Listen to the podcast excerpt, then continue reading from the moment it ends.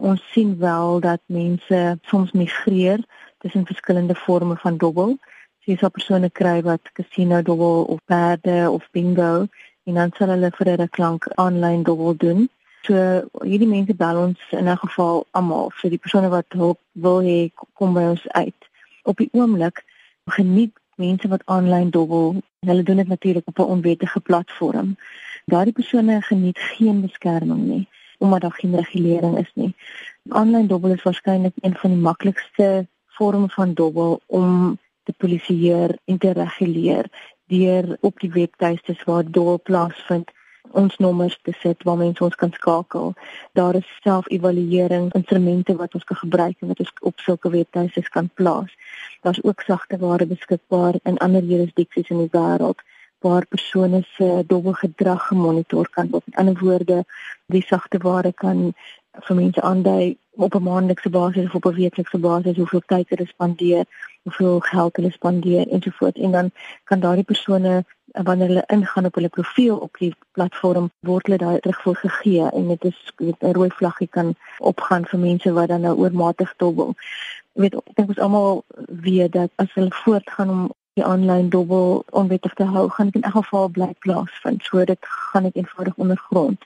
Ons as die Suid-Afrikaanse verantwoordelike dobbel trust. Voorstanders daarvan dat dit wel gewettig word en um, dat dit dan met ander gereguleer word want dit is die maniere waarop die gebruikers van hierdie hierdie aanlyn dobbel dan ook beskerming kan geniet. As ons 'n bietjie breër na die kwessie kan kyk, ons weet die departement van handel en nywerheid is baie bekommerd oor die maatskaplike ekonomiese uitwerking van dobbelary in 'n land met wydverspreide armoede, werkloosheid, ongelykheid. Wat sê julle syfers? Raak die probleme erger of nie? Nee, ons sien nie dit in ons syfers nie. Eider ons doen op 'n gereelde basis uh voorkomstudies onder die algemene bevolking van Suid-Afrika.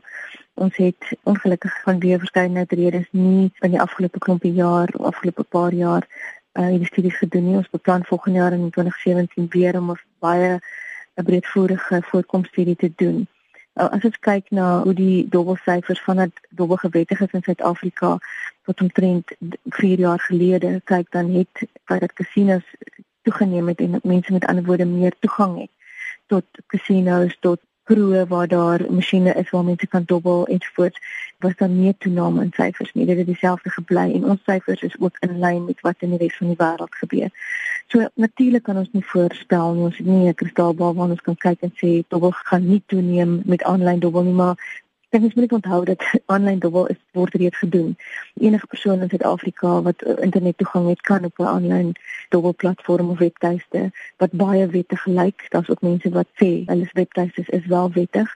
En so mense doen dit al reeds. So ons moenie dink maar dit onwettig is dat dit nie gebeur nie. En is dit meestal ouer mense wat hulle laaste geld wegdobbel of ook toenemend jong mense? Die dobbelpopulasie is oor 'n baie wye ouderdom iwer. Ons sien dat mense het vanaf onder uh, die ouderdom van 18 jaar uh, wat natuurlik onwettig is in Suid-Afrika, waar mense in hulle vroeë 20s tot mense in hulle laat 70 dobbel. Let dan nou wel dat dit ons nou praat van die tradisionele wettige forme, landgebaseerde forme van dobbel wat ek nou van praat. Die meerderheid van ons mense wat ons skakel het te werk, met ander woorde verdien inkomste.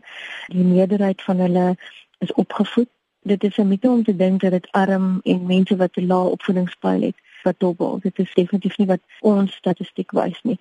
Neem net in ag dat ons statistiek is gebaseer op die mense wat wel opsoek. Hoe weet 'n mens jy het 'n probleem? Dink dit is belangrik om in net vinnig voor ek daai vraag antwoord dat om te besef dat vir 95% van van ons bevolking bly dit 'n vorm van vermaak en vir 95% van mense doen dit binne hulle beperkings en met geld wat hulle wel beskikbaar het om te kan doen. So daar's daai net minder as 5% van mense wat in 'n moeilikheid raak en wat te veel dobbel. Dobbel is vorm van verslawing.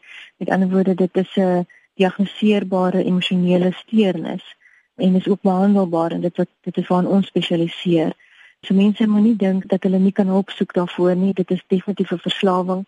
Dit is wel 'n gedragsverslawing en nie 'n verslawing aan 'n substansie nie uh, maar dit dit bly steeds 'n verslawing en die tipe dinge wat gevaartekens is is as mense gepreokkupeerd raak met die dobbel en met al die aspekte van die dobbel. Met ander woorde, mense bly gedurig besig met hoe hulle gaan geld kry om te dobbel, hoe hulle gaan tyd kry vir hulle families of vir hulle werkgewers, sê waar hulle is, 'n totale preokkupasie met dobbel. Hierdie persone het ook beduidende swak verhoudings. Met ander woorde, hulle verhoudings kan hulle nie meer in stand hou nie as gevolg van die feit dat hulle baie weg is van mense af of hulle vertel leuns of hulle manipuleer mense. Sodat sy baie beduidende afbreek van verhoudings het sy dit familie tussen pare of selfs met kollegas eh, verhoudings lei beslis skade hierdie mense probeer om, om minder te dobbel of hulle probeer om op te hou en hulle kry dit dan nie reg nie wat tipies is van 'n verslawing.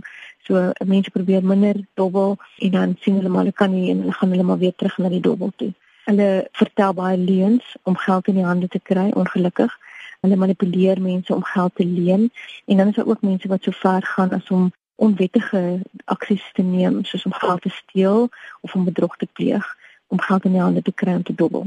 So dis is dis die dinge waarna mense moet moet uitkyk en wat gevaartekens is wat kan dui daarop dat iemand 'n dobbelprobleem het. Jy werk met soveel gevalle, wat is die mees ontstellende geval wat jy al raak geloop het? Ja, nee, daar is baie ontstellende gevalle, maar ek dink aan hierdie tyd van die jaar dan dink ek help om Ek dink aan 'n geval wat ons 'n klompie jare gelede gehad het van 'n 'n persoon wat oormatig gedobbel het. Hy het toe die geskenke wat vir die kinders gekoop is en wat alreeds onder die kersboom geplaas is, het hy een nag gaan oopmaak en gaan verkoop om te gaan dobbel met die verstaan dat hy dan weer geld sal terugwen en dat daai geskenke weer teruggekoop sal word. En ja natuurlik het dit nou nie gebeur nie. Is al die geld verloor en ondag geskenke nie vervang word nie. So dis maar een voorbeeld van baie. As mense wat groot bedrae bedrog pleeg as mense wat opgesluit word daarvoor. Die gevolge van oormatige dobbel en probleemdobbel is wyd versprei en en dit raak 'n klomp mense. Die populêre siening is dat vir elke dobbelaar omtrent 10 persone wie se lewens direk geraak word op 'n baie negatiewe wyse. Adil, hoe kan ons vanoggend hier op monitor luisteraars help wat hulp benodig? Ja, ons is die nasionale verantwoordelike dobbelprogram of National Responsible Gambling program en ons spesialiseer daarin om vir persone wat 'n probleem het met met dobbel of hulle familielede of mense wat naby aan hulle is om hulp te gee. So ons het 'n professionele terapeutiese psigoterapeutiese program en al die behandeling bied ons verniet aan. Mense betaal nie daarvoor nie. En al wat mense moet doen is om 'n beradingslyn te skakel en met die lyn 24 uur van die dag elke dag van die week is daar van ons beraders beskikbaar om die lyn te antwoord en mense kan ons bel by 0800 006 008 en dan kan ons hulle verwys na 'n sielkundige of maatskaplike werker wat op ons netwerk is en wat opgelei is om probleemdobbelaars te hanteer